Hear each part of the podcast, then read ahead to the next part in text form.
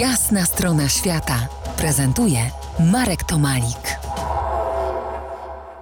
Po jasnej stronie świata Piotr Damasiewicz, kompozytor, multiinstrumentalista, edukator, podróżnik jeden z najoryginalniejszych trębaczy, myślę, że nie tylko na polskiej scenie muzycznej.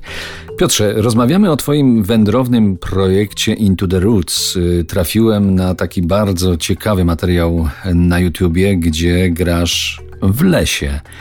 Chodzisz po lesie, pokrzykujesz, grasz na trąbce, rozmawiasz z drzewami?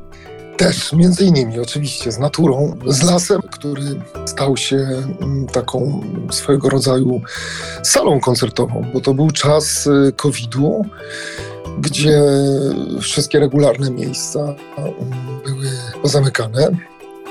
No i wtedy właśnie y, zdarzały się takie koncerty na zamówienie. To był koncert bodajże do mnie mówią, że znalazłeś koncert y, dla Firleja, dla klubu muzycznego we Wrocławiu. Tak, to chyba było to.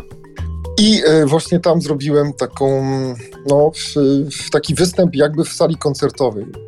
Wykorzystałem las jako taką dużą scenę sali koncertowej i faktycznie użyłem wszelkich elementów natury, aby z nią współgrać i wykorzystać ją też dźwiękowo. Jak chociażby ściółka leśna, po której stąpałem, ptaki, e, którym starałem się odpowiedzieć. Użyłem echa lasu, oddalałem się też od e, źródła rejestratora, tak aby pokazać różną perspektywę dźwiękową, przestrzeń lasu.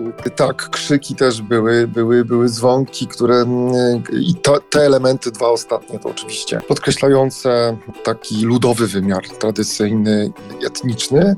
I to były koncerty z lasu, których, które mi się właśnie w tamtym czasie zdarzały, ale to nie były jedyne koncerty oczywiście.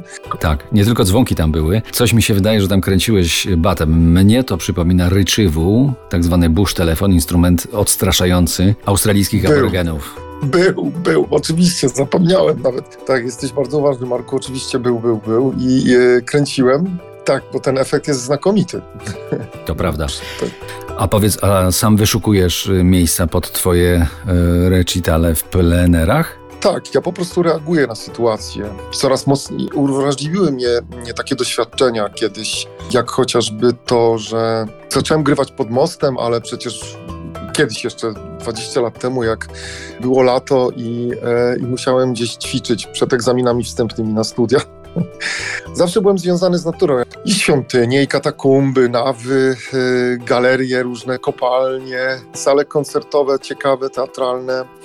No ale też y, natura, kaniony, hale, brzeg morza, jaskinie chociażby na Wyspach Owczych, gdzie wpływaliśmy dużym, tak pływaliśmy taką dużą łodzią po Wyspach Owczych z ekipą żeglarzy, którzy byli przyjaciółmi mojego, mojego, mojego bardzo dobrego znajomego kompozytora i tam e, zaplanowaliśmy koncerty na przykład na spuszczonych no, łodziach ratunkowych, z którymi wpływaliśmy do jaskiń i, i tam graliśmy w, w takich dużych przestrzeniach, gdzie gdzie można było też usłyszeć fale Atlantyku, które się rozbijały gdzieś o skały, ale niestety to nagranie zostało utracone z przyczyn technicznych, tak się zdarza czasem, ale jeszcze tam pojadę, jeszcze raz to zrealizuję.